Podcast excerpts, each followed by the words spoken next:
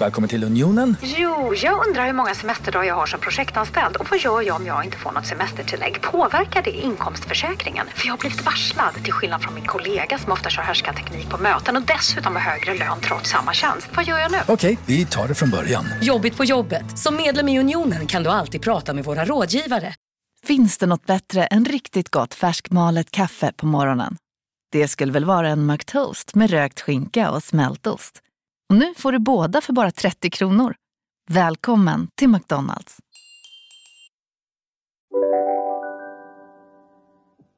So you're a tough guy, like you really rough guy. Just can't get enough guy, just always so puff. Hej och välkomna till Keeping Up med Jenny och... Och Malin, Hej!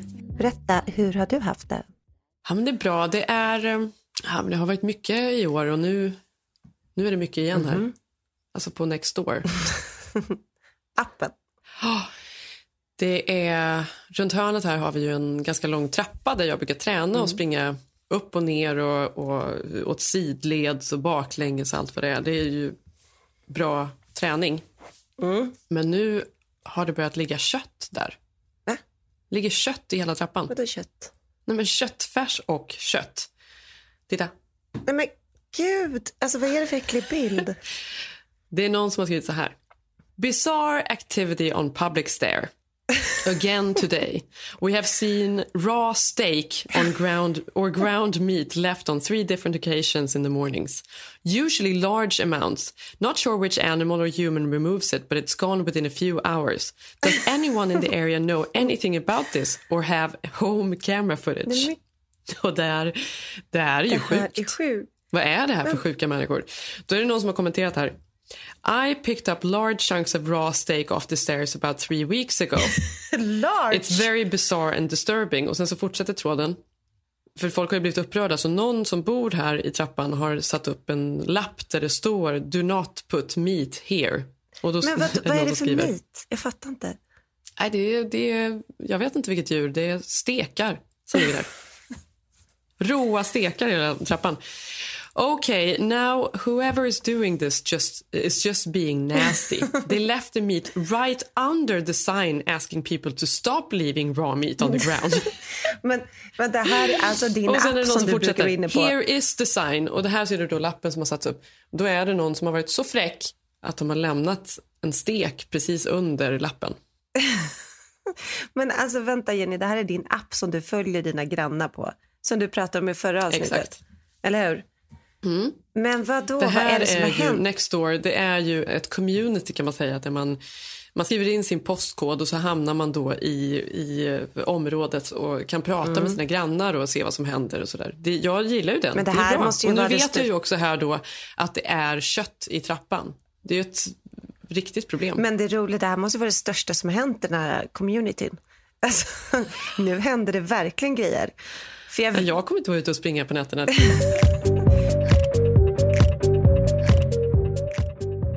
Det är ett väldigt tjat om att jag är nyinflyttad här, men jag är ju nyinflyttad här. Och har inte naturligt därför hunnit vara på allt för mycket tillställningar och fester. Men du och jag blev ju bjudna till ett par vi känner här i Los Angeles som vi gillar väldigt mycket. På en fantastisk tillställning eh, i förra veckan. Och det var ju härligt. Vi var väl ungefär 20 personer runt bordet. Och vi kände väl kanske hälften av dem och du, du känner väl alla? Ja, jag kände väl alla, mer eller mindre. Mm. Ja, men det var härlig stämning och många inte jag har sett på flera år och man, vi, jag och Sigge hade peppat för det här ihop. Det kändes som att alla hade peppat tillsammans. Ni var ju här innan också och drack vin hemma hos Precis. oss. Så då peppade vi lite innan det. det- Och sen peppade vi vidare. Och det här hade ju alla andra också gjort. Peppat jättemycket. Förfestat väldigt mycket. Ja, men jag tror att när vi kom var det också kanske första, inte första för det är höst, men lite, det var mycket back to school efter sommaren, typ känsla. Även om liksom, den ja, men kom man har inte träffat så många. Inte varit Abbo hemma. Hur låter din badrumsritual? Kanske så här. Eller så här. Oavsett vilken ritual du har så hittar du produkterna och inspirationen hos Apohem. Om en yogamatta är på väg till dig, som gör att du för första gången hittar ditt inre lugn. Ett lugn du inte trodde fanns. Som gör att du blir en trevligare partner, en bättre bilförare, en bättre kock. Du blir befordrad på jobbet men tackar nej. För att du inte längre drivs av prestation utan vill göra saker som känns meningsfulla i livet. Och, ja, eller ja, då finns det flera smarta sätt att beställa hem din yogamatta på. Som till våra paketboxar placerade på en plats nära dig och tillgängliga dygnet runt. Hälsningar Postnord. Psst! Känner du igen en riktigt smart deal när du hör den? Träolja från 90 kronor burken. Byggmax. Var smart. Handla billigt.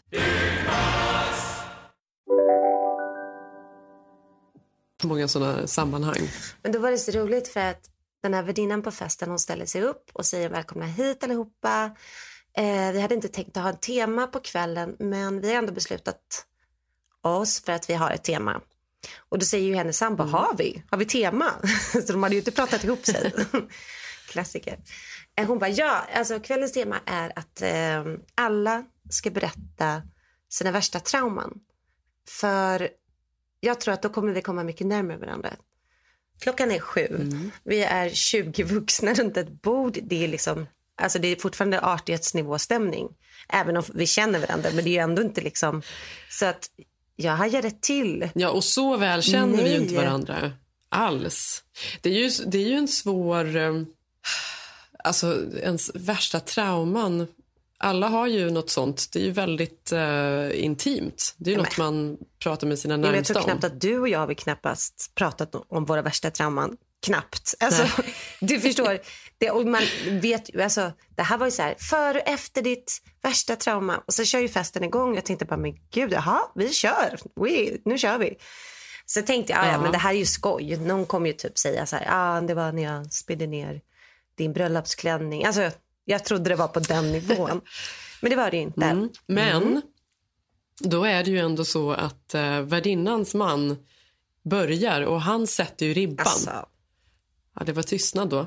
Men sen kom det ju över, så att jag var ju lite så här trevande och du också och jag och Sigge hamnade bredvid varandra så att Sigge började trycka min hand så hårt under bordet, typ han vill fnissa men samtidigt så här, nej men det här, this is real liksom. Ja, Eh, nu händer det. Och då är det ju nästas tur och då berättar ju den här personen, en kille som på riktigt berättar att han under flera år nu har undrat om han har varit liksom utsatt för ett sexuellt övergrepp. För han vaknade på någon eh, semesterresort med så här ett kreditkort i rumpan. Och han minns Mm. ingenting. I en rondell, I en rondell. Och han minns ingenting. Han vaknar i en rondell med ett kreditkort i rumpan. Naken. Ja. Mm. Och, och, vi, och han alltså, säger då så här, och jag vet fortfarande, jag visst, alltså, under flera år visste inte jag, har jag blivit utsatt för något eller inte? Det är fruktansvärt. Och då blir man ju så här, ska man typ bra trauma? Eller liksom, det var ju det också. Hur? Nej, nej, fast nu ska jag säga så att han berättar ju faktiskt en väldigt bra Mm, historia. För vad som hände var ju att han vaknade på flygplatsen med en vän till honom som han är väldigt nära Mm. med som berättade vad som hade hänt. Ja, det slutade ju fint för det slutade ju med att, men att efter några år när han har gått och undrat. Ja, ändå ja, några under år. tre år. Han hade ju gått till en terapeut. Har det nej, hänt något? tre år? Nej, det nej Malin, det här är tio år. Nej, men sluta det. Här, ja, jo, ja, det här är it's a tio real år. trauma. Ja, men så här, Ja. har det hänt något? Då, då tar han mod till sig och tar upp det här med henne och då berättar hon att nej, nej men alltså det här var ju bara ett det skoj. här var ett prank. Det var ju inte på riktigt. Alltså, alltså jag hade blivit så jä... alltså, förstå... Och det var också en tillfällighet att hon berättade för hon trodde han hade fattat det hela tiden. De hade ju aldrig mötts så det var bara en tillfällighet att de hade träffats ju. Ja, I alla fall, sen går turen till några andra vänner till mig som jag känner lite mer på middagen. Och där var, blev det också sådär, jaha, man såg att alla så här, blundade, försökte tänka till. Vad, är, vad fan är mitt värsta och vad kan man berätta? Ja, det var och ju vad det. För det var ju man? två problem Ja. med det här. Delvis är det att det är väldigt eh, intimt, kanske med folk man inte känner så väl. Det är svårt att öppna upp och veta exakt vilken nivå man ska lägga sig på. Vad har man för trauman, vad kan man dela med sig? Nummer två är också, är lite för många för att köra den här trauman. För det här tog ju timmar att gå runt bordet. alltså. Alltså. man hade ju nästan slutat. Och, och på slutet så hade det ju gått så långt att man, man ville vrida upp och komma till något crescendo. Det var ju på de sista där deppig på stämning på sluttampen. slutet. Då var det ju väldigt hög eh, förväntan på vad de hade att säga. Just det. Ribban hade det ju blev ju höjts, snabbt skruvats upp. emellan. Så där började vi sju och när vi var inne vid trauma nummer åtta typ och det hade gått en timme. Då var det ju, alltså stämningen runt bordet hade ju förändrats. Det var ju folk, Trauma, trauma, trauma, trauma, Alltså, det här var så trauma, sjukt. trauma. Det är så sjukt. Det var så bisarrt. Det var någon som berättade Ja, men så om... kom vi eh, ju till din kille Zev. Det var ju också... Och, ja, men så fint. Alltså, han berättar ju... Kan inte du berätta det? Eller är det ett trauma som man kan prata om? Eller? Det är absolut Jo, det inte kul. Det, det var ju trauma. Det här är Mm. ett trauma. Det är ett supertrauma för honom fortfarande. trauma. Han växte upp i Berkeley Mm. med eh, sina föräldrar och de bodde på en mysig gata där i ett litet hus och i huset bredvid så bodde eh, en, eh, ett par som, jag, jag tror inte de hade några barn. Jag tror bara de var vänner. De var verkligen vänner till hans föräldrar. Och pappan hade ju en... Nej, det här är faktiskt helt sjukt. Usch. Nej. Ja. De hade en ehm, i källaren som en sån här spelarkad med olika spel. Han samlade på flipperspel, så han hade kanske 20 olika. Vilket var alla barns dröm på något sätt. Att gå dit och spela flipperspel och allt vad det var. Och då ska man veta att på den här gatan, för jag har varit där, så ligger husen, de ligger jättenära, liksom vägg i vägg. Det är ehm, eh, bara ett litet staket emellan, så de gjorde ju som en liten dörr så att de kunde springa ut och in och de sprang ner där hela traktens ungar och spela flipperspel i källaren där. Och sen en dag för några år sedan så frågade Zev sin mamma vad som hände med honom egentligen. För att numera så träffar de ju bara henne då, mamman. Och då vänder Amy sig till honom och så säger hon, men kom, du kommer väl ihåg, du var ju med och satte honom i fängelse. Alltså Jenny, det här är så, så sjukt. Tydligen då, det här är också intressant att man kan stänga ute minnen så här totalt. Och det gör man väl när man är barn med riktigt traumatiska saker. Um, han, Zevs bästa kompis när han var liten, hon var, de var väl kanske sex år eller något Han sånt har en tjejkompis som hade sprungit över dit. Hans tjejkompis. De hade varit över där och hon, han ska visat, alltså mannen ska ha visat snoppen för henne. Dragit ner byxorna och sådär. Ehm, och hon berättar ju det här och de polisanmäler honom. Och det blir ju polisförhör och det går till rättegång och sådär. Och Zev var ju där och såg det så han vittnar ju om det här. Men han kommer inte ihåg. Han kommer inte ihåg händelsen men han kommer inte ens ihåg rättegången. Han kommer inte ihåg något av det nej, här. men alltså stämningen... Så nu idag när han får reda på det här, då känner han, hände det?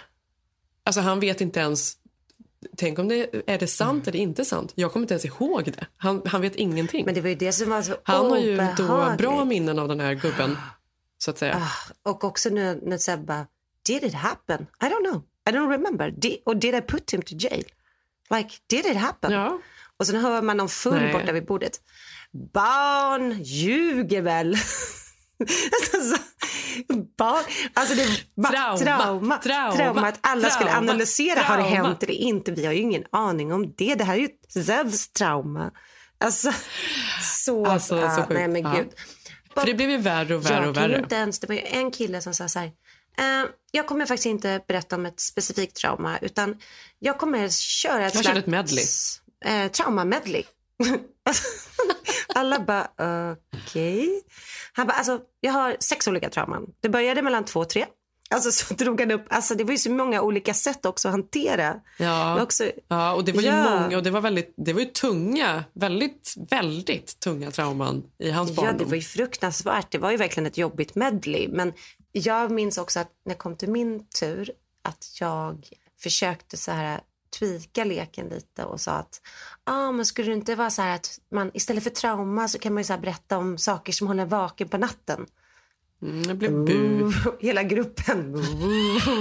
alltså, det, var, det var ju tufft. Och sen, ja, men sen Ja. var det någon som missuppfattade leken och var lite för onykter och berättade då hela sitt liv utan att välja ut trauman. Ja. Så till slut var någon så här... Då lämnar ju vissa bordet. Nej, men det var ju liksom när jag var fem och när jag var åtta.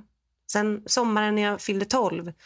Alla bara, men när, Då flyttade jag då flyttade dit. jag dit. Och vi bara, när kommer traumat? Alltså, Ja, så fräckt. var ju trauma. Nej, Jenny, det var, vilken jäkla... Det var någon vars moster, mosters Mm. man hade tagit stryptag på henne bakom en björk på midsommarafton. Men alltså, Och hela det- släkten hade varit traumatiserad men det här var efteråt. så sorgligt och så obehagligt. Och jag, jag tror att vi var ju så chockade. Det var ju mycket drickande Mm. också kändes det som. För man satt, man satt liksom bara där. Så när alla reste sig då var det som att alla ville släppa loss. Och då, då var det någon som, som lite hade blivit så påverkad av alltihop så hon kunde liksom inte sluta gråta efteråt. Det var ju timmar av gråt.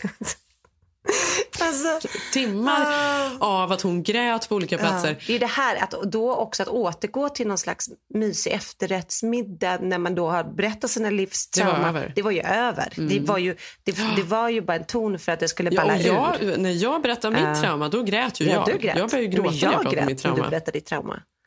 Alltså, det var ju hemskt. Alltså, nej, men Jenny, det här. Nej, jag vet inte. Ja. Det var, jag säger bara så här, jag kommer inte ta med den här leken ikväll när ni kommer över till oss. Fast den har Den något. har något.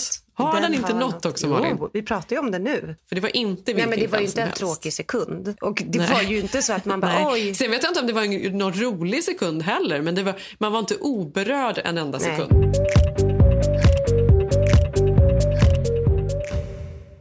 Ja, men igår eh, när jag då kom hem, då, passande nog ska Mm. sägas, efter mitt eh, tränande och bastande och jag var helt slutkörd och låg i sängen och eh, halvslumra, då satte jag på Bikram-dokumentären. Mm. Jag vet inte om du, du har inte sett den, men vi har pratat om den, att vi ska se Den, den. den går på Netflix nu va? Mm, Precis den. nysläppt. Jag vet egentligen inte om du måste se Nej. den om jag ska vara ärlig. Så bra tyckte jag inte att den var, men det är en bra historia och han är en väldigt fascinerande Dude, ja. Mm. figur. Så Bikram var alltså han som startade hela Bikram-yogan som är ju en superpopulär träningsform, en superpopulär form av yoga. Kallas också för hot yoga, man gör yoga i ett varmt rum. Man har bara på sig alltså sporttopp och ett par trosor. Han har ju bara på sig kalsonger under passen.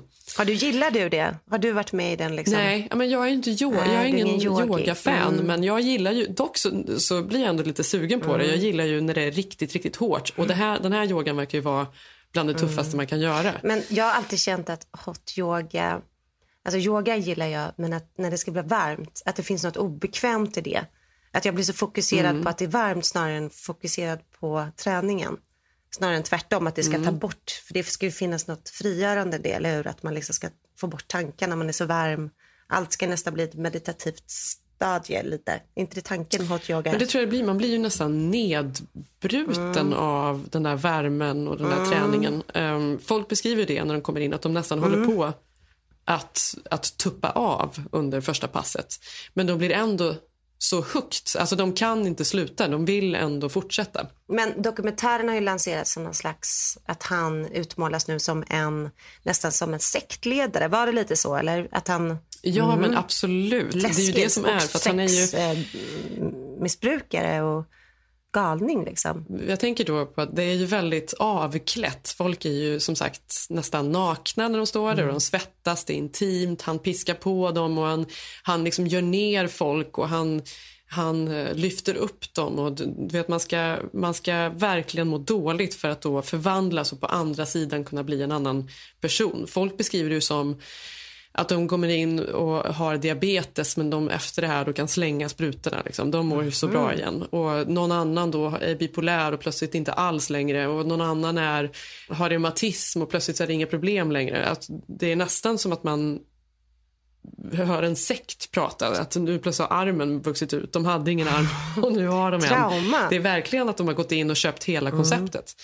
Och då under sessionerna så sitter han liksom uppe på en liten tron. Så medans det då är, jag vet inte hur varmt det är, 40-50 grader i den här studion.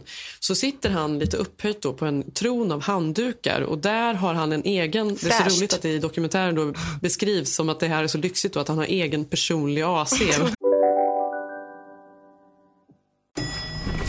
Nej. Dåliga vibrationer är att gå utan byxor till jobbet. Bra vibrationer är när du inser att mobilen är i bröstfickan. Få bra vibrationer med Vimla. Mobiloperatören med Sveriges nöjdaste kunder enligt SKI. Just nu till alla hemmafixare som gillar Julas låga priser. Ett borr och bitset i 70 delar för snurriga 249 kronor. Inget kan stoppa dig nu. Ja, Hallå?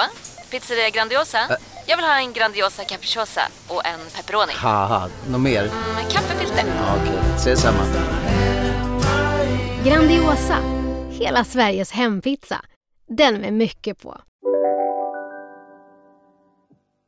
Vad det är två liksom rör som bara så här pekar på honom då med, med kall luft som blåser Ja, men ut. så ser han ju där så uppe äcklig sitter ut han på något och sätt. pratar. Han ser ju så noll glammig ut. Alltså han ser ju verkligen ut som så här, för han har ju inte så här, det är inte så nya fräscha träningskläder utan det är ju verkligen några gamla tygkalsonger. Ja, ja, absolut. Nej, men han ser ju ut som en helt bisarr figur. Om man nu ska bygga en sekt så känner jag att han kunde ju använda lite bättre knep.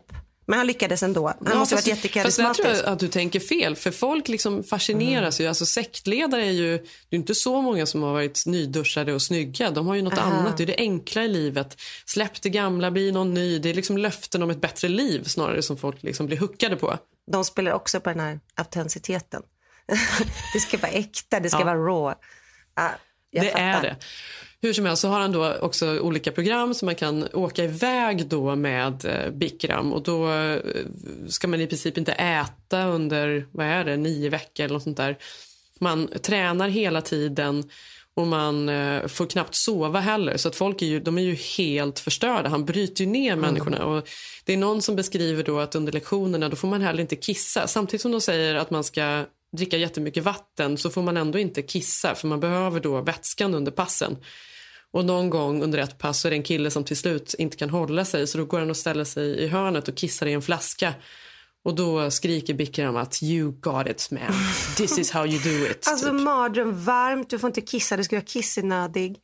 Någon galning som skriker. Alltså, jag, hur kan man komma in i en trans i detta? Nej, och, men han har ju då, och, och det som också gör att det blir extra mycket sekt är ju att han tjänar mycket pengar på det här. Hur som helst, han var ju en, en snuskig jävel och äcklig och han började antasta kvinnor och det här kom ju fram för några år sedan. Så nu, nu är han ju disgraced så att Ja, säga. men precis, för den här dokumentären handlar väl om hans sexuella övergrepp och hur han har använt då Bikram-yogan för att komma nära kvinnor. Och eh, Bikrat skiter nu dem liksom. Ja, och sen velat att de ska komma till Mm. Till hans rum och eh, två på nätterna. Han har fått alla att liksom massera honom, så alla som är på de här lägren får hela tiden massera hans händer och fötter och innanlår och sen vill han att de ska massera hans eh, penis eller han har stretchat, hjälpt till att stretcha och nästan liksom tryckt in eh, tryckt sig in i dem. Alltså han har ju varit superäcklig. Men yogaformen lever ju vidare och är väl, väl fortfarande väldigt populär. Var det inte Madonna som var hot yoga innan hon blev kabbala? Det är många som har i alla fall kört. Ja, och han hade ju väldigt mycket kända klienter. Mm. Alla var ju eh, inne på Bikram och när han Det är lanserade. ett bra jävla verkligen. namn ändå, Bikram yoga. Alltså, han har ett jävla Ja. bra namn. Och det är hans förnamn också, Ja. eller hur? Han heter ju Bikram Choudhury. Mm. Ja, Choudhury. det- jag fattar att han valde förnamnet. Choduri yoga. Okay, come up. I know already you are happy. Relax on your back. Now, the question is it is better to suffer 10 seconds or better to suffer 10 years? See, first time your brain is working, you are smart. Now, the second question better to suffer 90 minutes or better to suffer 90 years? See what I mean? This is called introduction of self realization. You are thinking right, you are taking a right decision. Yoga has a tremendous cosmic power to think and perform right things. Och nu är ju inte det här alls samma sak, men du var ju inte här när jag soulcyclade som Nej, mest. jag vet att eh, du har tjatat om det mycket. och att det var väldigt så här, trendigt även när vi bodde i New York. Men då var det liksom, hade boomen varit över. Jag var ju helt Jag fast vet, i jag Soulcycle. vet. Alltså jag älskar ju så mycket. Jag och mina vänner här, vi gick ju kanske fyra gånger i veckan. Soulcycle är alltså spinningpass i ett mörkt rum. Jag har ju pratat om det här Mm. mycket innan, men jag kom att tänka på det nu när jag såg Bikram-dokumentären. Eh, det är spinning i ett mörkt rum. De släcker ner och de vrider upp värmen då så att det kanske är 35 Mm. grader där inne. Det är varmt.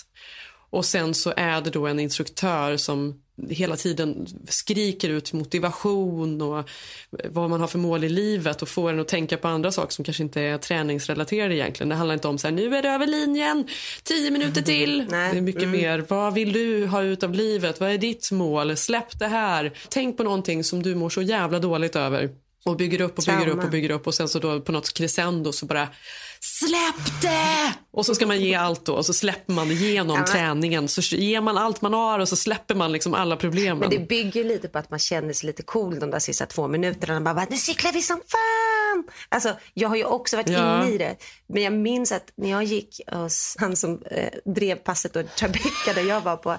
Han, han var ju typ eh, någon gaykille som inte riktigt orkade cykla själv. Så han är med en annan snygg gaykille som Det cyklade. gör de. De cyklar inte själva, instruktörerna. De kanske går upp och sätter sig på cykeln en liten stund. Men de, för dem handlar det om att springa runt, skrika, motivera. Och vad fan håller du på med? Du är efter, var i Jag takt. sätter på cykeln och sen ins- alltså när jag kände det lätt för honom att stå där och bara, nu kör vi en backe till, alltså bredvid. Nej, jag är inte hooked Jenny, jag fattar inte. Ja, men jag, det här handlar ju så väldigt mycket om vilken instruktör man, Absolut, man hittade där Och vi Mm. hade ju då eh, Angela Davis, som hon heter, som är Alltså helt fantastisk. Mm. Vi gick ju då på fyra pass i veckan. Ibland gick vi till och med på dubbelpass, alltså två pass om dagen. Men var, jo, vi- vi var- var vi det älskade då det. den tiden när David Beckham och hans fru var där hela tiden? Mm, exakt. Hon, de gick ju på samma pass som Mm. oss hela tiden. Framförallt han. Han gick ju på alla passen. Och just med Angela Davis. Satt han längst fram då, David, eller längst bak? Alltså vad, vilken typ av person är han i salen? Jaha, nej men David satt ju någonstans i mitten. Han kunde sitta längst fram Mhm. eller någonstans i mitten. Han satt var som helst. Han, vill inte liksom, han var ju väldigt trevlig och var alltid den som stod i omklädningsrummet efteråt och vi satt och pratade med alla. Och, Bra pass idag. Och du vet, man, man var ju tillsammans i den här One of gruppen. guys. Han var en Mm, av ja, men det er. var han. Och han älskade ju då Angela. Hon blev ju grejen. Hon var ju en före detta atlet. Alltså hon hade väl eh, tävlat i sprint i många år. Och hennes pappa var pastor. Den där mixen mellan de här två gjorde ju att hon var i extremt bra form, visste hur man skulle träna och dessutom kunde prata. Och hon började liksom alltid passen, kommer ihåg, med att hon sa the way you do one thing is the way you do everything. Så hur du gör nu det säger någonting om hur du är som person. Vill du vara en jävla svikare som sitter här och liksom fjuttar på cykeln eller ger du allt? Är du en människa som ger allt och ger du allt? Alltså, Jenny, jag ser ju på Ehm. dig nu att du går igång nu på det här. Du tycker det är fantastiskt jag går igång. budskap. Ja, jag längtar tillbaka. Jag längtar Gud, tillbaka jag kan nu. säga det där till dig. Ehm, och hon fortsätter, hon bygger upp till crescendon och hon liksom var så jävla bra på att piska på en att man kände verkligen att man ville ge allting. Men det var ju så pass tungt så det var ju folk som tuppade av. Det var ju ett pass jag var på när det var en kvinna som plötsligt bara låg på golvet. De fick stänga av musiken och tända lamporna och hon vaknade inte. Nej men det här var hemskt Malin. Hon låg kvar. De fick ringa ambulans. Vi, alla, det, var ju några, det var ju en grupp tjejer som satte sig i en cirkel och började be. För Det är ju olika... kul för just Soulcycle har ju skojat, skojats om. Är det inte det Amy Schumer har med i sin film som en öppningsscen? När hon, hon tränar just där i av. Tribeca där jag var i New York. Och ja. hon liksom står där längst fram och hon kan liksom inte riktigt, för man ska klicka i sina skor i början av cykelpasset. Hon vet inte riktigt hur man ska Ja. klicka i dem och hon låtsas och klickar inte i och sen ramlar hon ju. Det är så hela den börjar. Och då när hon vaknar Precis. till liv så tycker hon helt plötsligt att hon är så jävla snygg. För det handlar om Ja, what if jag är så vacker som jag egentligen borde tycka att jag är. Att tycka om sig själv. Ja, det börjar exakt. ju där. För det finns något Ja. äckelförakt i soulcycling. Och, men så var det, det var ju en kvinna som förra året också föll av, eller hon tuppade av cykeln men hon hade ju då lyckats klicka i fötterna så hon kunde liksom, fast hon svimmade och tuppade av så trillade hon liksom inte av cykeln och hängde bara åt ena sidan, liksom halvt av sadeln med iklickade det, fötter. det, ju det, nu kommer jag på varför De- jag hatar det de Jenny. upptäckte Nu inte henne kommer på jag på det jättelänge. är ju det där att man Hon klickar i, man är för fan fast i det.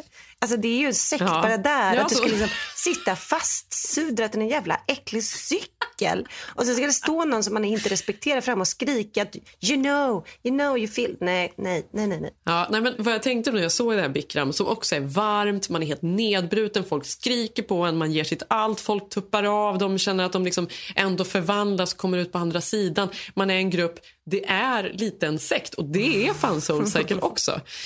Det är intressant. Mm, ja. Men också att man, jag tror att träningen har en sån otroligt stark påverkan till det. För man blir lite nedbruten när man, när man är så fysiskt trött. För det är ju bara två anledningar till att man köper vad Angela står och säger. Och det ena är ju då att det är på engelska. För det hade ju aldrig funkat på svenska. Och det andra är ju att man är så jävla trött så man har liksom inget försvar. Cynismen har liksom runnit ut med svettet på Jenny, något det är en tredje grej också. Att du är fastsudlad. Alltså du kommer ingenstans. du kommer ingenstans.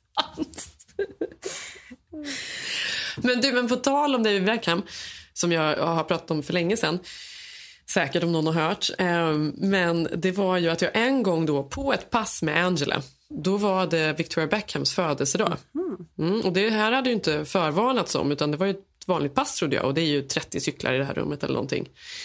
Och det var David och Victoria och så var det deras fyra barn som var där. Och cyklade? Mm. Men den lilla då, yngsta tjejen, hon var för liten så att hon fick vänta utanför med en nanny och så hade de ju med sig då cupcakes Men till alla vänta, är det här efteråt. så de... PR-kupp eller får de pengar från Soulcycle? Nej, nej men de älskar Nej, men, De är jätterika, de kan ha hundra lokaler hemma och, och surra fast sig och cykla. De älskar så. Det här var ingen PR-kupp. Det var det inte. Hur som helst så går vi in och sätter oss där. Jag hamnar Kritiskt jämte tänkande är Brooklyn. det första sitter- som försvinner i en sekt. Herregud, vad kommer hända? Jag sitter ju längst fram med Brooklyn, tror jag det är. Det är en av barn, ett av barnen. Säg att det är Brooklyn. Är det han snygga? Och sen så sitter de lite, ja han är Mm. snygg. Och så sitter de andra lite utspritt och så sitter David på podiumet. Angela springer runt och pratar motivationssnack och David är då han som sitter på cykeln som hon säger hur han ska cykla. Det här är Bickra-varning, jag är rädd. Rädd.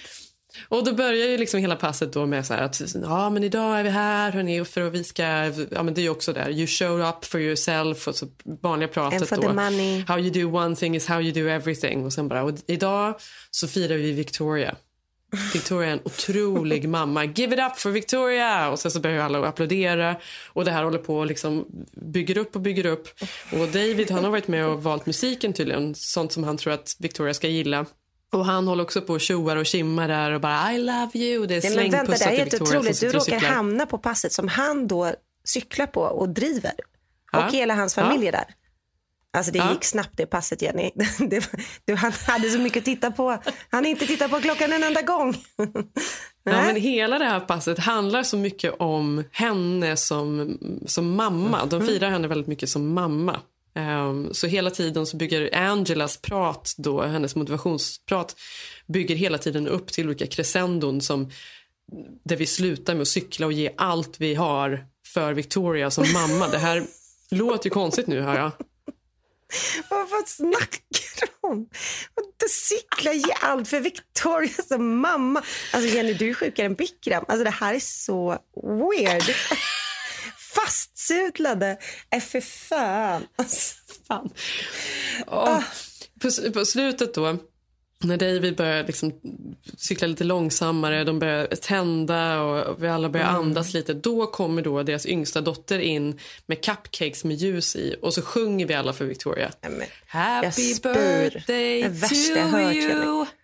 Alltså. Och så äter vi alla en cupcake tillsammans. Jag var ju så påverkad av det här och så nedbruten efter det här passet. Jag hade verkligen gett allt där för Victoria som Alltså, mamma. sluta.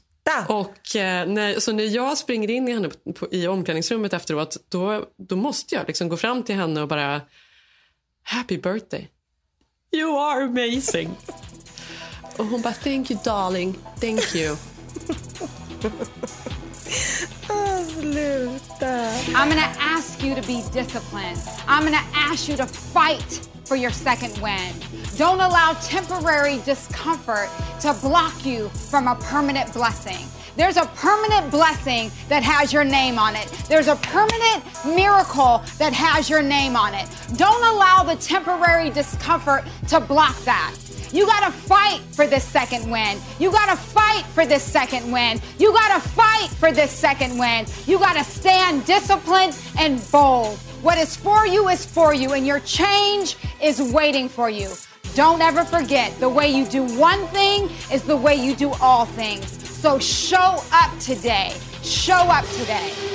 Nu skulle jag inte prata om Soulcycle egentligen, men det var roligt ändå för jag, jag fick ändå någon sorts... Det där är intressant. Att jag... Mm. Nej, jag hade ju också kunnat kissa i flaskan i Men hörnet. det är roligt Jenny, för du brukar ofta fråga mig så här. Vem av oss som vi känner är most likely att hamna i en sekt? Där har vi ju svaret. Träningssekten. Det vet vi. Du kan sluta ställa frågan. På tal om, nu ska jag försöka då återknyta här till något vi har pratat om innan i podden. Allt som är så sinnligt och, och fint här då med eh, Soulcycle och så vidare.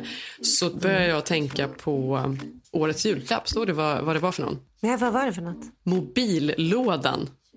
Nej, det var ju, jag vet inte, folk verkar ju ha blandade, fått blandade reaktioner Aha. av det här.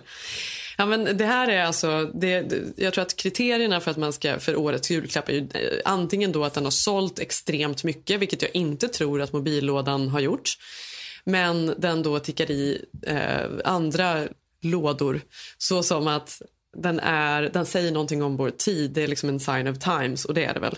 Mobillådan Ja. är till för att man ska lägga den där i under, ehm, för att stänga av då eh, under middagar eller tid med familjen Nej, men alltså, och så vidare. Jenny, jag vet knappt vad det är. Alltså, Nej, det är en låda. Det är en liten låda bara där du lägger mobilen i. Det är en jo, men det, här är, det här är ju verkligen eh, i tiden. Jag såg ett inslag här i um, morse, tror jag det var om en restaurang någonstans i USA som hade börjat med mobilfria tisdagar eller något sånt där. Det här var en grej. Alla kom dit och åt på tisdagar och så fick de då lägga, alltså på riktigt i en liten hink bara, en vanlig hink som stod på bordet. Ehm, fick de lägga sina mobiler så de stod fortfarande på bordet men i en hink då medan de åt. Och det här har blivit en sån grej så restaurangägaren sa att det är fantastiskt, vi, vi ska börja med fler dagar nu för det är liksom fullsmockat här på Mm. restaurangen på grund av mobilfri tisdag. Men det är ju bra. Ja, men det här är en så lustig, så sjukt enkel grej. Lägg undan Ja. den bara. Men antagligen så är det lättare för oss då att eh, vi behöver liksom nästan som någon liten Vi behöver en rutin, hur man gör en under rutin middagar. och Inte- en, eh, ja. någonting symboliskt för att Ja. vi verkligen ska göra det på riktigt. Mm. Ja, mobillådan. Och detta är ju Ja, då jag någonting som ligger i tiden för det har att göra med liksom resor. Folk eh, börjar liksom resa iväg på helger där det inte finns mobiltäckning. Man liksom lämnar in mobilen i, eh, i receptionen när man checkar Mm. in på hotellet. Och, eh, vi behöver stressa ner. Stressa ner är då hela grejen. Och nu Jenny- då på tal om, för detta vad jag ska komma till är ju skönhetsgrejen här. Ja, nu vill jag höra. Mm. Är det honung? Det är det säkert också. Det är säkert honung också. Nej, men det är många så här Det låter som jag dissar och, dina. Jag är jätteglad att du ger, du ger mig också den här lektionen. Alltså Vad det här är det bästa jag vet. Jag Mm. älskar skönhet. Så himla Mm. kul. Det har öppnat en ny typ av vad man säga, privatklubb, ett nytt typ av Soho House i West Hollywood som heter The Mm. Remedy Place. Det här är så jävla high-end Malin. Alltså det är liksom det snyggaste du har sett. Det är liksom det snyggaste spat. Det är helt otroligt. Men allt de serverar är då eh, adaptogendrinkar. Eh, alltså olika nyttiga skönhetsdrinkar. Eh, de har såna här hyper, hyperbaric chambers. Vet du vad det är? När man ligger Nej. liksom i något sorts bad, i någon sorts kammare. Och där kan man då också ta möten. Så idén med det här är att man ska inte behöva tumma på sitt välmående för att man är en karriär, eh, karriärskvinna eller driven utan man ska kunna liksom spaa under sina möten är idén då. så om du och jag ska ha konferens så kan vi ligga i varsitt kammare och så har liksom, du vet huvudena sticker liksom Mm. ut från de där stora kamrarna. Så li- ligger man där och pratar med huvudena ut där. Jo, möte. men Jenny, det här är så långt bort från mobillådetänket. Alltså det handlar ju då om, är du på spa, är du på spa, då lägger du bort telefoner, jobb. Här kan man göra både och. Det är tvärtom. Ja, du tycker inte den här span- spaningen stämmer? Ah. Jo, men mer att man, liksom, att man stressar ner i livet. Att det är så viktigt för oss att vi just välmående och hela spa. Nej, du, det går Ja. inte. Du, Mm. du håller inte med Jo, här. jo, jo, Nej. jo, jo, jo. Ja, men, och de, dessutom då så erbjuder de en IV-lounge, alltså där man sitter och Mhm. får dropp, olika dropp. Um, det är vitamindropp och olika saker, vätska man ska ha in i kroppen. Fast det tror jag på. Det där är ju många som den här B12-shotsen man kan gå och ta överallt här för att bli pigg. Exakt, men här då sätter man dropp in. Eh, och det är olika blandningar och olika vitaminer och sådär. Så man kan ha möten då Vi ses över möten, i över en så här hyperbaric chamber eller i IV-loungen och sen så kan man då efteråt ta en liten adaptogendrink i baren. Jag tror det. Eh, Jag tror att vi måste testa det här. Ja, men det måste vi. Jag, är ju, för, övrigt så, jag älskar ju adaptogener. Jag tror jättemycket på det. Jag är i olika Mm. ashwagandha och allt möjligt i mina teer när jag dricker dem. Jag vet, Jenny. Jag vet. Se som jag mår. Mm, du Så mår bra. så bra. Vi sågs häromdagen och vi pratade lite om att vi är ju ganska nyinflyttade här och man är ju lite mer skör än vanligt. Man är ju på ett sätt lycklig och det händer nya grejer och det är spännande men det är också mycket kämpigt och saker man inte förstår.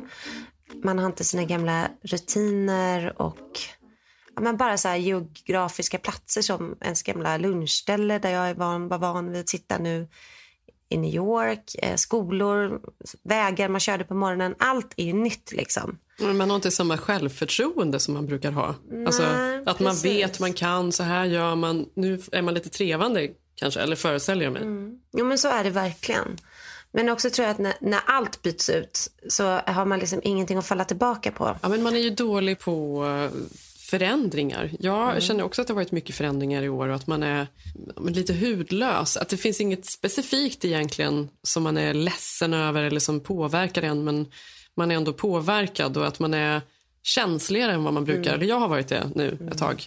Ja, men du har ju också haft en så här väldigt tuff sommar. Det har hänt väldigt mycket i år för dig också. Även om Ja, min har varit en flytt. Liksom. Men du har ju haft mycket på den privata sidan som har varit jobbigt. Ja, verkligen. Ja, men det har vi inte pratat så mycket om. Jag hade ju faktiskt en vän som gick bort i somras väldigt Mm. plötsligt. Mm. Och väldigt, det var ju en speciell sommar just därför. För Zev fria, vi förlovade oss, det var lycka och sen en vecka senare så um, gick en nära vän till mig här i LA bort. Och det var, påverkar ju, alltså inte bara sommaren men hela livet. Alltså fortfarande, hela tiden tänker jag på honom. Och ehm, Ja, och sen så blir min mamma dålig och det är också någonting. Ja, men det har varit många bara grejer i livet som, ja, som, som känns. Och så har jag en kompis här, som en av mina närmsta, som ska flytta härifrån. Mycket som är i rörelse och har hänt helt enkelt som gör att man känner sig hudlös. Men vi sa också det att, för man bara, men gud kan det vara så mycket eh, saker som händer? När får man liksom vara stabil i sin, inte lycka, men i sitt liv? Men då pratade ju du och jag när vi såg häromdagen om det här att ju äldre man blir, ju mer människor har man ju också i ens liv, förhoppningsvis. Så man bryr sig Mm. om. Alltså när man är ung har man ju typ sig själv, kanske sin mamma och pappa, någon bästis. Mm. Men insatsen är så stor nu när man Och man har har inte samma ansvar heller när man är Nej. ung. Alltså det är inte alls, man är den lilla ganska länge känner man. Men sen när man får barn och ansvar och föräldrar blir äldre eller vad det nu än är. Saker och ting. Man, alltså det handlar om tiden i livet på ja, flera tiden sätt. i livet men också att man har så himla mycket folk tycker jag. Alltså jag har ju tre Mm. syskon, de har barn. Och sen, det är så många som ska må bra för man själv ska bli hun- må 100% bra. Eh, Mm. Alltså att det är så många som, det kan, hända, det kan hända saker hela tiden som man inte kan styra över. Och det Mm. är ju obehagligt och då tror jag att det blir extra stort när man liksom på något sätt flyttar eller med om någonting som du sa. Att man har den där känslan att det känns bra men när som helst kan jag kanske ändå bryta ihop. Ja, exakt så. Inte för att man är ledsen utan man är så jäkla skör. Man går liksom på tunn is och det funkar och man är lycklig. Men är man det? Alltså man vet inte riktigt vad som är Ja, men så vad. fort, alltså det, som, det räcker ju med att någon lägger en hand på en och Mm. frågar hur man mår för att allt bara ska rämna. Ja, nej men För visst. man kan, ju, man kan ju på något sätt bära upp livet och bära upp någon mask eller alltså en fasad. För att man måste ju också leva, det går inte att göra annat. Eh, Men man kan bara göra det så länge ingen ser igenom den. Mm. För om någon ser igenom eller frågar, då har man ju inte skyddet längre. Där försvinner ju allt. Nej men precis, det får, ingen får poka. Vi pratade ju om Nej. det också, alltså, vad var det vi kallade det för? Alltså det här fingret på axeln, skörheten. Att det räcker med Mm. att någon nästan bara andas lite extra örat eller håller en liten, liten, liten pekfinger. Bara, men hur är det? Det är ju där. Ja.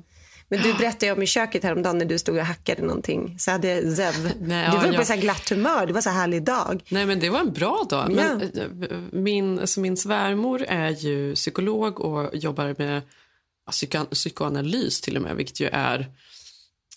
Jag är ingen expert på det här överhuvudtaget, men jag tror att det är många som...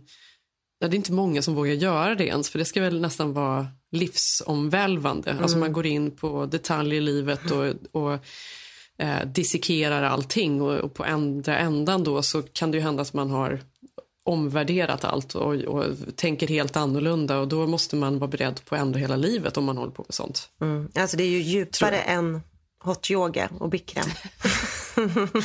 det tar sig in. Ja. Ja. Men en kombination av de två, då hade det kunnat sluta riktigt illa kanske. Men, eh, så jag känner kanske alltid med henne, för hon är världens gulligaste, jag gillar henne jättemycket. Men att hon ser igenom, förstår du vad jag menar? Mm, mm. Jag tänker att hon hela tiden ser igenom mig på något märkligt Det sätt. gör hon. Det tror jag inte hon gör helt ärligt. Egentligen tror jag faktiskt inte det. Men det, det, det är ändå någon känsla av att jag, tänk- jag eller, eller att det här är ju mitt huvud, men jag Mm. tänker att hon nog skulle vilja ställa frågor och jag tänker att hon hela tiden tänker saker om allting. Men fast hon verkligen inte verkar göra det. Hon är ju liksom världens härligaste person. Jo, men är det inte också att hon kanske inte ser igenom dig, men hon ser dig? Alltså, hon bryr sig om dig. Och det är ju också det där, den blicken att någon, ja men det är kanske något, det är okej, men vad är det liksom? Ja. Och så kommer den där Ja, lilla fingret hon- på axeln. Hon kommer ju ibland då med Zevs pappa och hälsar på och ibland så kommer hon själv och hon älskar ju att vara med mina barn och leka med dem och vi eh, hittar på grejer och äter luncher och går promenader och har oss och sådär.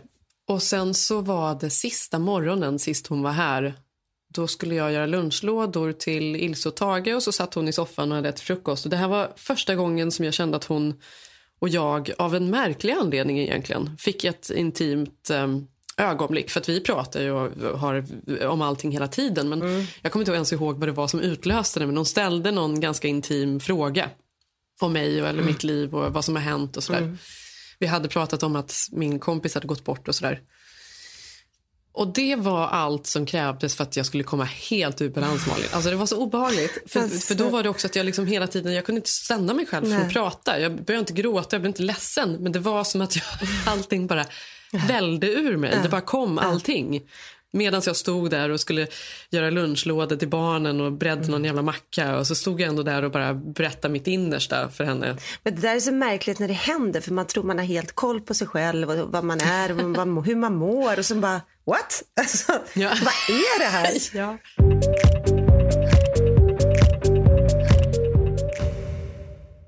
Vi var ju, när våra söner var ett och två, det är ju bara ungefär ett och ett halvt år mellan dem, så åkte vi till Mexiko på vår första liksom, så långa resa ihop.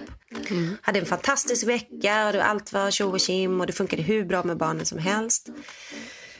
Eh, ja, minus att typ Truls drack upp någons piña colada och han var typ ja, två år då. Och blev... Va? ja, det var Men hans... det här, vänta, det här tror jag att Sigge har berättat någon gång. Ni beställde två pina coladas. Den ena var med alkohol och den ena andra var Virgin. utan. Ja. Och vilken tog han? Alltså, och Ja. han vinglade ju runt där kring poolen. Sen började han kräkas. Sen somnade han i vagnen. Men som tur var hade Men vi en som var läkare i sällskapet. Så jag var så här, men är det här fine eller ska vi liksom åka till akuten? Behöver han liksom magpumpas? Han bara, nej. Han kommer sova igenom det här. Liksom. Det är lugnt. Men har lite koll. Men han började verkligen Ja, vilken- vad kräkas. obehagligt Jenny. ändå. Ja, men det var ju nästan obehagligare att sen under sju års tid bli påmind om detta. Alltid när man stod i en så här trång buss på väg till förskolan. Mamma, berätta när jag var full och spydde. Somnade jag först eller spydde jag först? Alltså du vet, när allt barn alltid, när de inte får. Ja, men i alla fall så var, skulle vi åka hem och vi hade varit en vecka. Och eh, på morgonen när vi vaknade sista dagen så såg vi att barnen var väldigt sådär lite bleka. Och jag bara nej, under, bara inte de blev sjuka minns jag att jag sa. Du, men Malin, nu vill jag ju säga att de var väl bakfulla. De var så jävla bakis. Fyra piña coladas senare. Nej. Sen sitter vi i alla fall i taxin och jag känner att vi hinner knappt eh, liksom åka in på flygplatsen för jag tar Viggo och springer med honom och bara in på toaletten och han ja, spyr och mår jättedåligt. Kommer ut till Sigge och jag vet att vår flight liksom är på väg. Vi måste liksom skynda oss. Ser att han har liksom plockat upp alla barnens resväskor, alla väskor och bara letar efter något. Och bredvid står lilla Trull som är ett år och precis lärt sig gå. Jag bara, men vad är det här? Paniken, Malin, jag hittar inte mitt pass. Och jag bara, men du skämtar. Och Viggo bara kräks och då ser jag liksom på Truls att han bara, okej okay, nu börjar han kräkas också. På riktigt. Oh. På riktigt. Alltså det är en sån här dålig mammakrönika. Och båda barnen. Mm. Ja, det är, ändå, det är ju ändå mardrömmen alltså. Det är ja, nej, bland det värsta som kan hända Malin. Mexiko. Och vi vet så här, nu har vi tio minuter, sen kommer vi liksom missa flyget. Och vi mm. letar och vi letar, vi blir helt hysteriska. Vi måste ju hitta, vad gör vi, vad gör jag ska också säga, det är ju ändå ganska klassiskt att man kan bli magsjuk i mm. Mexico City. Man kan ju inte dricka vatten och man kan inte... Och ändå åkte Jag vi. var ju sjuk i tre veckor efter jag var där. Mm. Ja men så var det. Och sen ja. hittade vi inte passet. Och vi tittar på varandra, har fem minuter på att göra ett beslut. Då delar vi upp barnen då. Mm. Men vänta här, han var ju tvungen att åka runt i Mexico City till ambassaden i olika bilar på natten för att liksom besöka en ambassad för ett nytt pass. Vi vet inte, tar det en vecka, två veckor? Kan man ens det? Ja. Eh, barnen var sjuka. Så att jag bara, nej men jag tar dem. Uh, ja, mm. du tar dem. Ja, Okej, okay, du tar dem. Jag bara, men jag tar dem. Jag minns att det sista jag gjorde var typ ta upp några så här kalsonger ur Sigges väska, kastade till honom på andra sidan, tog barnen under varsin arm och någon skrek och någon, alltså det var katastrof. Och bara försökte göra dem fina för jag var rädd att vi inte skulle få gå på planet. Och nu oh, kommer alla bli jättesura att vi gjorde det men du förstår ju paniken ändå. Mm. Vi gick på planet och det var ett nattplan och man ser att det hände ju ingenting i planet men jag försökte ju hålla dem där.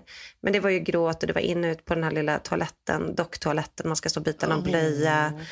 Och sen får man suckar från folk som har suttit, du vet, ätit härlig middag Läst något Jävla idioten, jag har ingen aning. magasin. Ja, fy fan. Mm. Champagne. Champagne. Och bara, excuse me, can you please keeping a little bit more quiet? Uh, men då i alla fall, jag bet ihop, jag var tapper, jag gjorde blöjorna på docktoaletten. Jag... Fan vad man har gjort såna grejer, uh. det måste jag säga. Alltså när man har småbarn, mm. grejer som är så här, det är helt sjukt. För när man blir bekväm några år senare mm. så tänker man, gud, fy fan att man gjorde det. Men när man är inne i det där, då gör man ju de mest sjuka grejer och orkar det. Men det är ju ja, men det är inte lätt. Alltså. Och det glömmer man ju sen. Alltså det är ju inte, det är inte färdigt att man har stått på Nej. en liten docktoalett och bytt Jävla blöjor. kämpe. Och typ, ja. Och också så här, jag klarar det här, jag klarar det här, okej, 15 timmar, okej, okej. Jag hade inte sovit någonting, var helt slutsatt med de här båda barnen. Jag hade precis fått dem att somna. Vi gjorde en mellanlandning i London till slut och visste nu är det så en timme till svärmor står på flygplatsen och möter mig med taxi. Liksom. Ja. Målbilden. Sen, du vet, båda sover i en dubbelvagn jag också hade det på den tiden för det var ju bara ett år mellan dem. Ja. Och jag har precis fått dem att somna för det var också väntan i London. Och Sen ska jag gå igenom ytterligare den sista liksom, säkerhetskontrollen. Och jag bara, ursäkta mig, jag har två sjuka barn. Min man är fast i Mexiko. Snälla, jag vill inte, kan inte de bara få åka igenom den här scannen utan jag behöver väcka dem? För på andra sidan är det liksom en timme till väntar. Jag vill att de sover då. No, no, no, no, no, sa den här kvinnan såklart. Så jag var ju tvungen att packa ihop den här dubbelvagnen. Upp med båda barnen som grät och skrek, ville Åh, sova. Stakarna. Ja febern, alltså du vet, och jag bara bet ihop. Jag ska inte bryta ihop, nu kör vi. Mm. Ja, gick omkring med dem där, folk drack ja, latte. Det går ju inte då. Det går inte då. Det är bara att göra det. Liksom. Man är ju liksom i en, man är en egen värld. Alla andra sitter och fikar, det är härligt. Man själv är ju ett krig. Ett ensamt krig. ja, det är man ja, verkligen. Man är ett ensamt krig. Och, bara, och också här, ja. jag var ju också rolig, orolig. Liksom just nu sitter Sigge i någon jävla Mexico City. Han kanske blir rånad. Den har typ inget pass. Jag vet inte när kommer han. Det är också den känslan. Mm. I alla fall så sitter jag då, kommer på planet. Eh, båda barnen somnar på mig. Då bara känner jag en liten, liksom där från London till Stockholm. En liten, litet finger på min axel liksom. Mm. Och så vänder jag mig om. Och sen är det en fin, snäll, så brittisk gentleman som knackar och bara Are you alright? Man, are you alright? I saw you when oh. you had to wake up your poor children. Alltså, oh. Jenny, jag brast. Jag brast så ja, hårt. Då, alltså, jag fulgrät då var det bara så mycket. Ur. Ja, då sov barnen och jag visste så här 45 minuter till Arlanda och han bara, are you all right? Du vet, det där lilla, lilla. Jag hade ju klarat mig för att inte gråta. Men det räcker men ju att någon sett mig. Ingen hade ju sett, alla hade ju sett, men ingen hade frågat. Och det vill man ju inte. Nej, för exakt. Jag tänkte Ja. Också jävla Ja. asshole. Ja, verkligen. I'm in my fucking bubble here. I can't do this. Ja, och sen när jag kom hem, Jenny, då, alltså, det stod ju min mamma där. Alla hade fattat Sigges mamma, hjälpt mig med barnen. Jag hade duschat, bäddade ner mig, jag hade inte sovit på två dygn. Då får jag ett så jätteglatt samtal från Sigge. Bara, Hej älskling, hur är du? Hur mår barnen? Jag sitter här och dricker vin, äter med den jättehärliga norska am- ambassadörsparet här i Mexico City. De är så härliga. Alltså, de har bjudit hit oss. Alltså, det är så mysigt. Du vet, man bara, aha. Alltså, jag har ju typ trott att han är död. Fuck det var ja. Ja. you. Fuck you. Då har ju vi, Jenny, hur har det gått för vårat? Vi har ju en tanke hade vi ju när vi skulle ha veckans it-girl varje vecka i den här podden. Det var ju dels för att inspirera till folk man ska börja följa eller folk som ger en inspiration. Eller bara bli peppade med någonting. Eh, men olika kvinnor och tjejer vi båda ville dela med varandra. Exakt. Ja. Så denna veckas It Girl, det är ju ett väldigt över självklart val. och Ja. det finns nog inte en person där ute som inte redan följer henne. Så att frågan är hur mycket tips exakt. det är. Nej, men egentligen exakt precis. För det, Men. Man vill lyfta fram sådana som inte syns lika mycket. Men så tycker jag då i och med att eh, det var rekord och hela den här turnén avslutades och det är så otroligt mäktigt att eh, hon fyllde Skandinavien var det va? Jag har inte sagt hennes namn än. Vem är det? Det är Mia Skäringer. Exakt. Och då tycker jag att vi måste ändå eh, hylla henne lite och säga hur otroligt bra och stort det faktiskt är. Nej, men alltså, hennes show No More Facts To Give har sålt ut Skandinavium sex gånger och har totalt haft över 55 000 personer som har suttit i publiken. Det är något. Ja, det är det verkligen.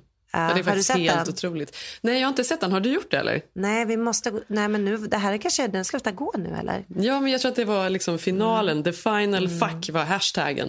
Uh, vilket är tråkigt. Vi får hoppas att ehm, det kanske blir en uppföljare så att vi kan få se den när vi kommer hem i sommar. Verkligen. Och det är ju coolt. Jag menar, det har ju bara varit... Jag tror att hon har sålt fler biljetter i Skandinavium än Håkan Hellström. Och framförallt än alla manliga Ja, det är komiker. otroligt alltså. Ja. Det är otroligt. Nej, men hon är fantastisk och hon kör och hon kör på och hon tar plats. Det älskar vi. Veckans it-girl Mia Skäringer. Woohoo. Mm.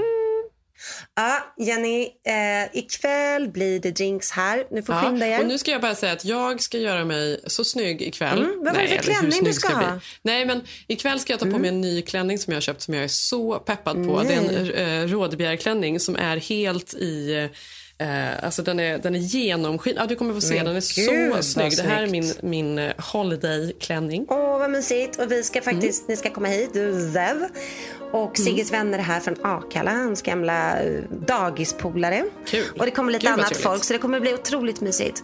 Men vi ses nästa vecka. Lägg inget finger på min axel ikväll. Nej, Jag vet precis. inte om jag är redo Eller så är det det. bara det vi gör. Vi kommer bara sitta och hålla om varandra och gråta. Eller blir det traumafest?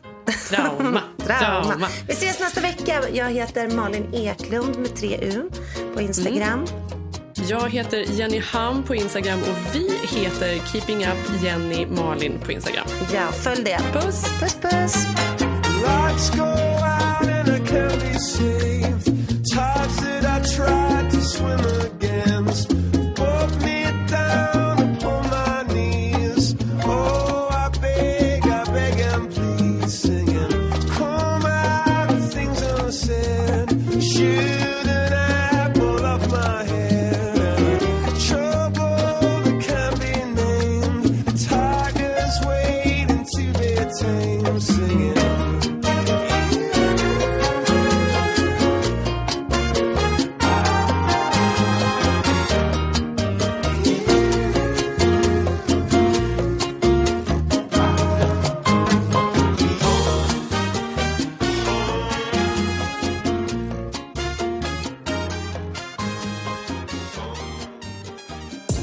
podcasten är producerad av Perfect Day Media.